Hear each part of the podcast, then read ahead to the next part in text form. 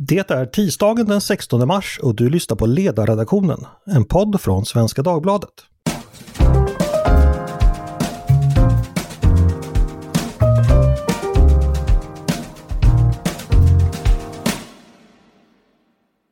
Ska det statliga mediestödet villkoras med att den som mottar sådant stöd ska präglas av ansvarstagande nyhetsförmedling som inte bidrar till att sprida felaktig eller manipulerad information och som avstår från publiceringar som vilseleder kring etablerad vetenskap och kunskap? Så heter det nämligen i ett nytt förslag från Myndigheten från press, radio och tv, som är den myndighet som fattar beslut om vilka medier som ska få detta stöd. För att reda ut den här frågan har jag med mig två gäster, nämligen Charlotte Ingvar Nilsson som är generaldirektör på Myndigheten för press, radio och tv. Välkommen hit Charlotte! Tack så mycket!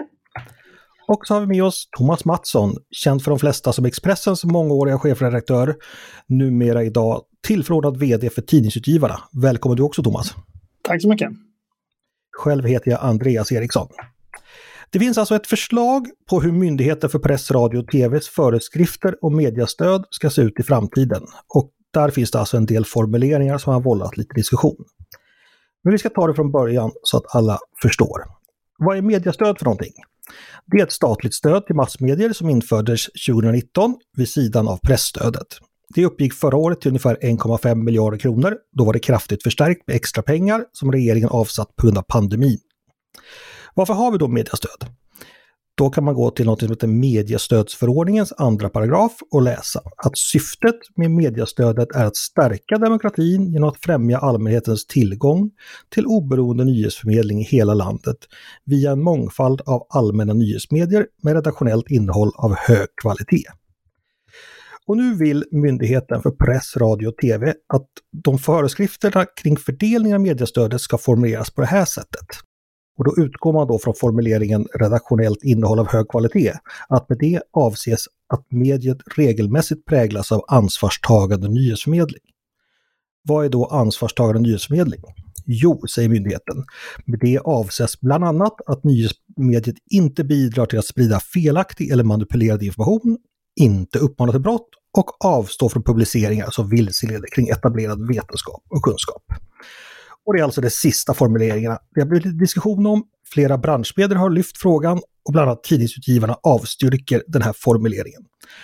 Jag tänkte börja med dig Charlotte. Eh, kan du berätta om bakgrunden till att ni har ett förslag på nya föreskrifter och hur ni har resonerat kring ert förslag? Ja, eh, jag skulle vilja börja med pressstödet som ju kom på 70-talet och som är ett rättighetsstöd. Det vill säga den tidning som uppfyller kriterierna får pengar och räcker inte pengapåsen till, då är det bara för staten att skjuta till mer pengar. Det är ungefär som försäkrings, alltså föräldraförsäkring eller något liknande. Och det var förhållandevis enkelt att eh, räkna ut vem som var berättigad till stöd. Det byggde på matematiska begrepp, antal abonnenter, upplagans frekvens med mera. Det var helt enkelt lätt, relativt lätt att bedöma. Och det här var på 70, på 70-talet det här kom. Och nu har vi en helt annan situation eh, och det kräver en annan ordning. Och då har regeringen och riksdagen vid sidan av pressstödet beslutat om mediestödet. Och i detta fall så är det begränsad påse pengar. Det säga det blir, och blir det fler sökande så är det enkelt, helt enkelt så att mediestödsnämnden måste prioritera mellan de sökande. Och det här med enkla matematiska begrepp som antalet abonnenter med mera, det funkar inte längre. Och eh, den här förordningen som du nämnde som regeringen har beslutat om, där sägs det att syftet med stödet är bland annat att bidra till redaktionellt innehåll av hög, hög kvalitet. I vårt remissvar så efterlyste vi vägledning vad gäller redaktionellt innehåll av hög kvalitet. Eh, och vi sa att det kommer att bli svårt att tillämpa. Eh, vi fick, och otydligt, eh, vi fick inte vägledning men däremot så fick vi rätt att utfärda föreskrifter av, i förordningen då.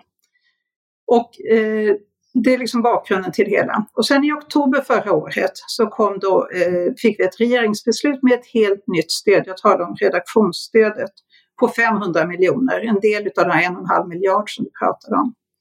Vi hade väldigt kort om tid, vi lyste ut, vi fick in ansökningar, vi beredde detta.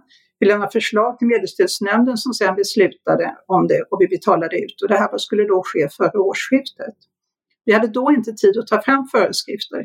Men det var första gången bestämmelsen tillämpades. Och det förslag till föreskrifter som nu har remissbehandlats, våra föreskrifter alltså, det är helt enkelt ett försök att tydligt, tydligare uttrycka hur mediestödsnämnden ska tolka begreppet redaktionellt innehåll av hög kvalitet och hur de tolkar det. Men bara så vi är helt klara, de här med att det då inte ska gå till eh, felaktig och manipulerande information och avstå från publiceringar som strider mot etablerad vetenskap och så vidare. Det är era egna formuleringar som ni har tagit fram som förslag? Ja, det är det. Redaktionellt innehåll av hög kvalitet, det står i förordningen. Mm. För, vi har försökt att förtydliga för sökande efter vilka kriterier ansökningar kommer att bedömas.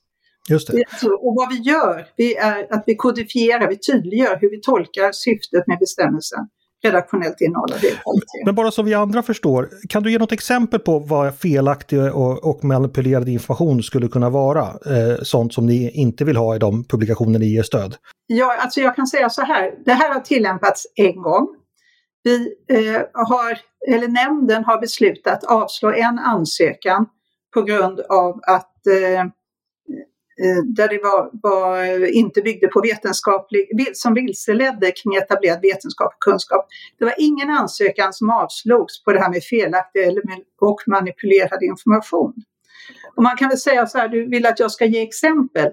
Alltså, jag, jag vill också understryka att det här ska vara regelmässigt ska det präglas av de här redaktionella innehåll ska regelmässigt präglas av det här felaktig och manipulerad information eller uppmana till brott eller publicera eh, eller publiceringar som vilseleder kring etablerad vetenskap och kunskap. Men eh, jag menar enkla saker. Jag tänker på, nej men det finns ju ett antal, om vi tar utomlands där, där eh, felaktig manipulerad information. Jag tänker på situationen i Rwanda för att ta ett extremt konkret exempel där man skyller alla fel ett land drabbats av på en grupp människor i landet.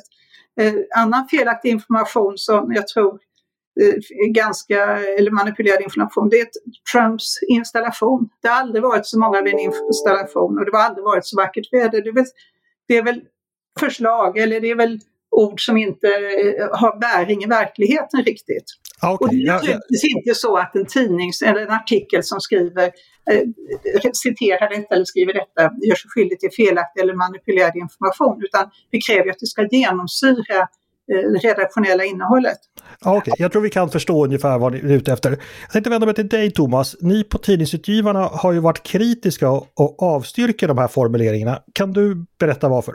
Ja, jag tror man känner sympati med ambitionerna om att eh, stöd från staten ska liksom främja tillgång till oberoende nyhetsförmedling och, och skapa möjligheter till mångfald av nyhetsmedier. Det, det tror jag liksom alla mediekonsumenter tycker är bra.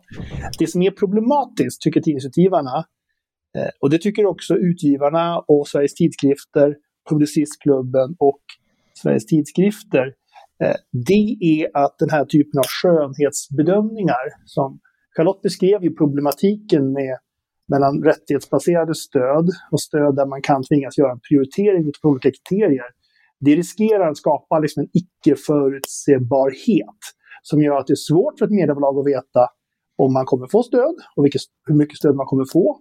Eh, men det skapar också en risk eh, för en myndighetsbedömning av ett innehåll där, som resulterar i realiteten till att en, en myndighet vars beslut inte kan överklagas eh, ska kvalitetsstämpla eller möjligen fördöma oberoende journalistik som ges ut av grundlagsskyddade medier. Eh, och det blir då till en principfråga som står emot ett annat viktigt intresse som jag har också stor respekt för. Jag förstår att tjänstemännen på myndigheten behöver vägledning och jag förstår att skattebetalarna inte vill att deras skattepengar ska gå till aktörer som sprider direkt falsk information. Och det exempel som nämns här av en aktör som inte fick stöd, det är ju en sån aktör som på sin sajt just nu skriver om att maxvaccinering mot covid leder till, till katastrof och man beskriver alarmister som, som varnar för klimathot och så. Och man gör det ganska systematiskt måste man nog säga. Det är klart att när man tittar på en sån produkt som mediekonsument så känner man att är dit jag vill att mina skattepengar ska gå? Men det, om man komplicerar den frågeställningen lite så måste man fundera kring Ja, men var drar man då gränsen? Och är det så att en myndighet ska värdera journalistik? Och, och kan man ens värdera eh, journalistik som handlar om vetenskap? Eftersom att vetenskapen i sig är ett sammelsurium av olika uppfattningar där man prövar åsikter mot varandra och där slutsatserna förändras och där man tycker något annat idag än vad man tyckte igår. Men är det inte så samtidigt att gränsen ska ju dras mellan det som är felaktigt och missledande och det, det är ju en fråga om rätt eller fel, det är ju en sakfråga. Det, och samma sak när det gäller vetenskap versus ovetenskap. Det, det, är väl inte så svårt att dra den gränsen egentligen, exempelvis det du nämner att säger man att vaccin inte funkar, det är ju, kan man inte då ha från statens sida gå in och säga att det här är faktiskt fel, det här vill vi inte stödja. Ja, men det första man ska ju ställa sig själv frågan då, ska staten avgöra vad som är rätt eller fel journalistik i ett land med grundlagsskyddade medier där vi värnar yttrandefriheten och har världens äldsta tryckfrihetsförordning? Och nästa fråga blir naturligtvis, kan staten göra det? Eh, vår stat, Sverige, har ju haft en uppfattning om munskydd till exempel, medan andra stater har haft en annan uppfattning. Vilken folkhälsomyndighet ska man tro på? Vilken forskare kan svara på frågan om munskydd är ett effektivt skydd Eh, mot covid-19 och så vidare och så vidare. Jag tror inte det där är alldeles enkelt och jag tror inte heller att vi vill riskera att utsätta en myndighet för att försätta sig i situationen att man kan anklagas för att göra kanske politiska bedömningar. Och det kommer liksom ifrågasätta själva grundvalen, tror jag, för principen om att staten faktiskt inte ska ha någon uppfattning bortom vår grundlag om vad vi publicerar. Charlotte, om jag får bolla tillbaka till dig här. Thomas tar upp gränsdragningsproblematik, att staten inte ska vara den som bestämmer vad, vad, fria medier ska, ska publicera och så vidare. Hur ser du på den kritiken? Nej, men jag tycker att det är relevanta invändningar. Eh, sen kan man ju alltid säga att jag menar det här med, du tog upp frågan om Folkhälsomyndigheten och munskydd. Jag menar det här är ju inte etablerad vetenskap, det är en pågående diskussion. Vi kan konstatera att det finns vissa saker, jag tar extremfallen för det blir lättare att förstå. Vi vet idag att världen, jorden inte är platt. En gång i tiden så trodde man ju det och då var det ett himla liv om det.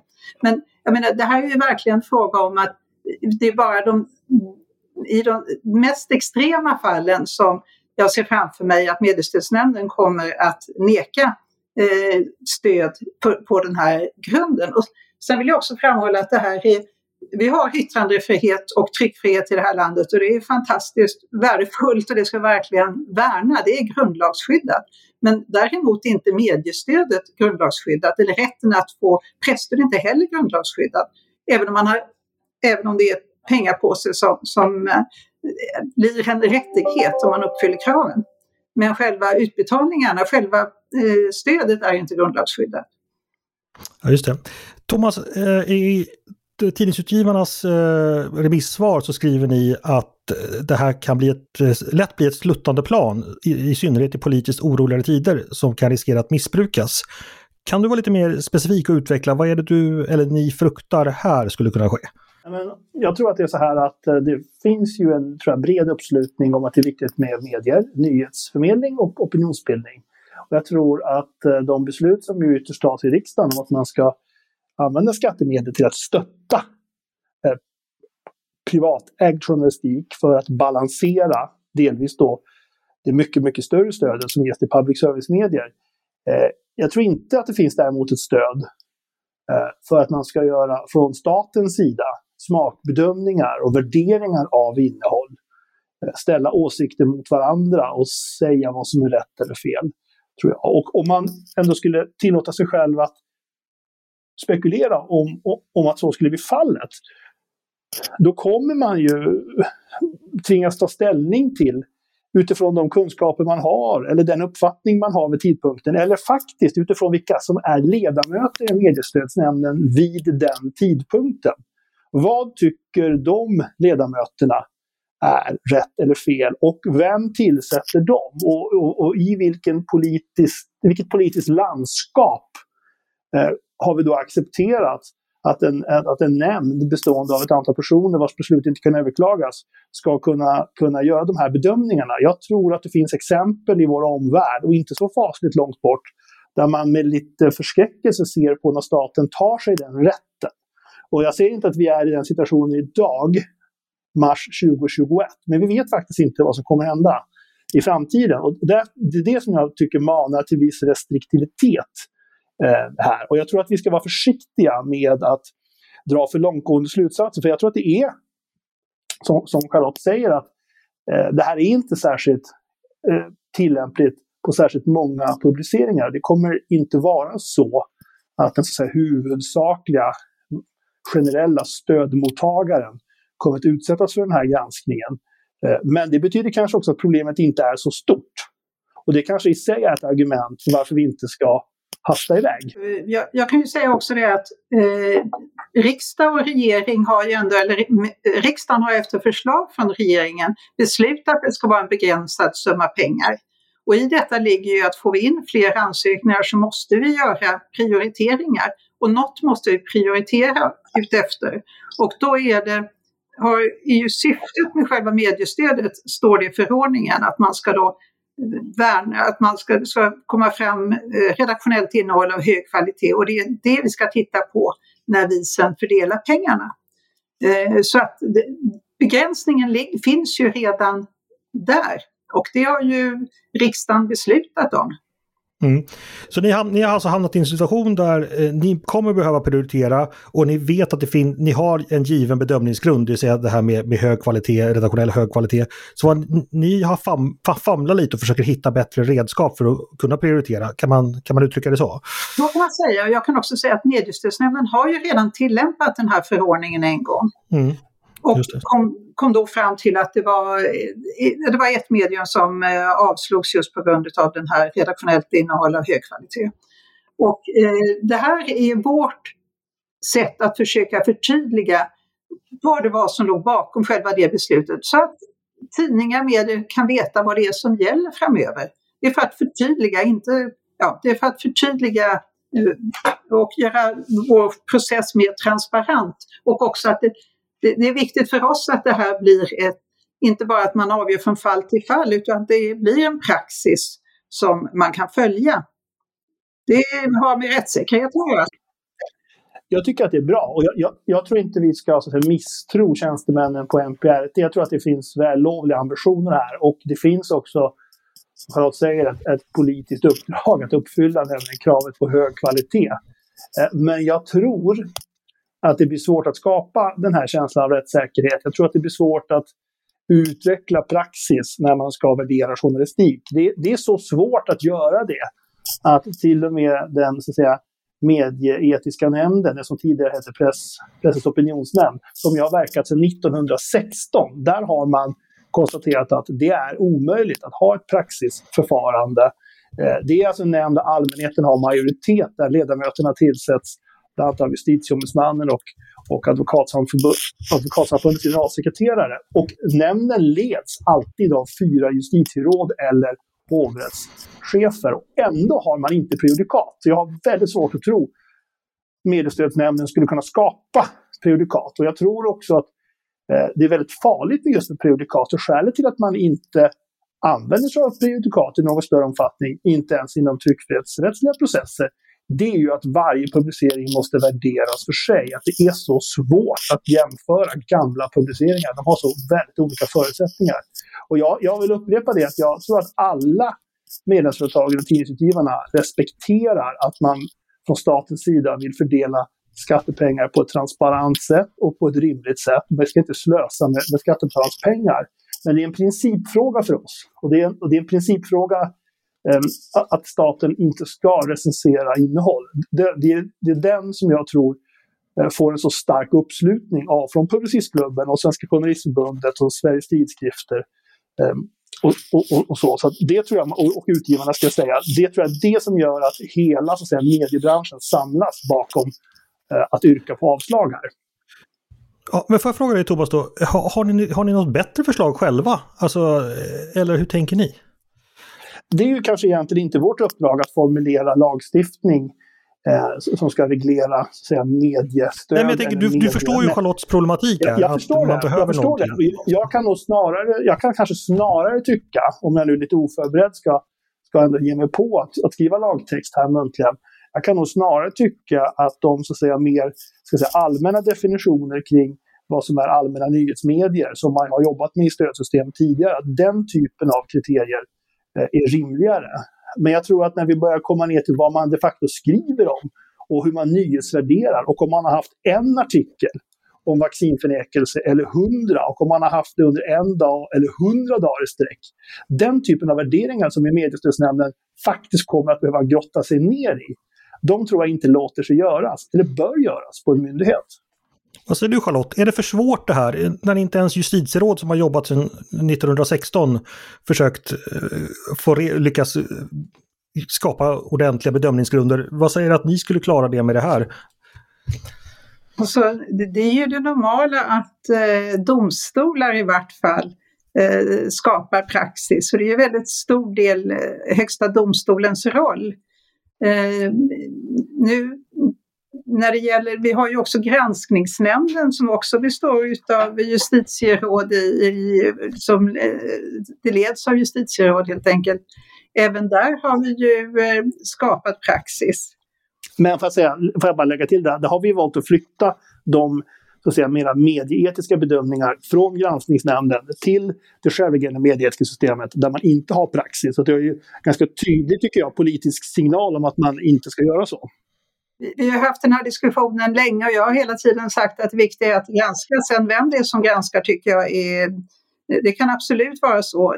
Min inställning var att det kan absolut eh, eh, Pressens opinionsnämnd som det var på den tiden eh, göra.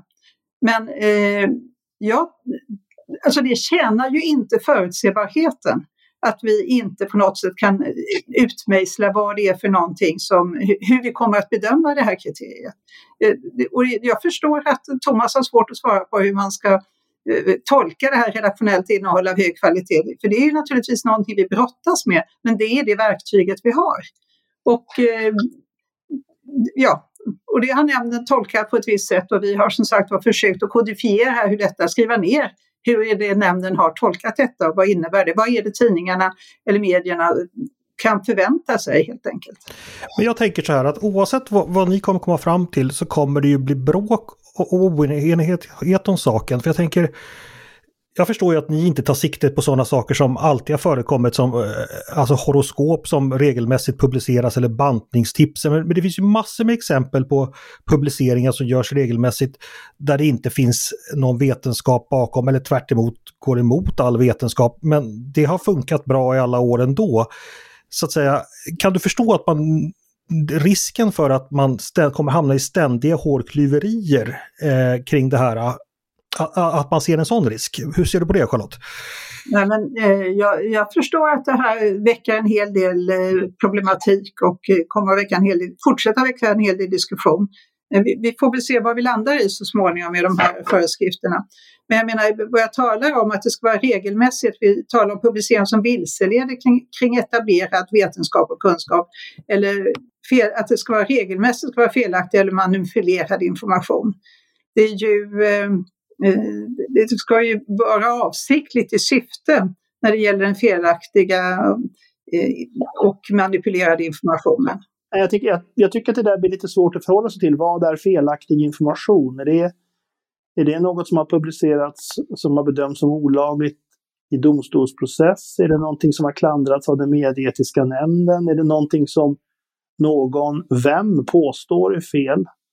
Eh, hur ska man kunna värdera kunskap och forskning om man ställer 100 forskare på den ena sidan och 10 på den andra? Är det givet att Ja, och det finns många olika frågeställningar här som gör att jag tror att det blir väldigt, väldigt svårt att pröva journalistik. Och man måste verkligen ställa sig själv frågan, man måste ställa sig själv frågan om man ens vill att staten ska göra det. Vill man att staten ska göra det i en liberal demokrati med världens äldsta tryckfrihetsförordning? Vill man det, tänker jag? Den frågan är ju i sådana fall att vända sig, då får du vända dig till dina politiker och säga vi vill inte ha den här lagstiftningen eller vi vill inte ha den här förordningen. För vi har en förordning, vi får en påse pengar och vi ska fördela utifrån förordningen.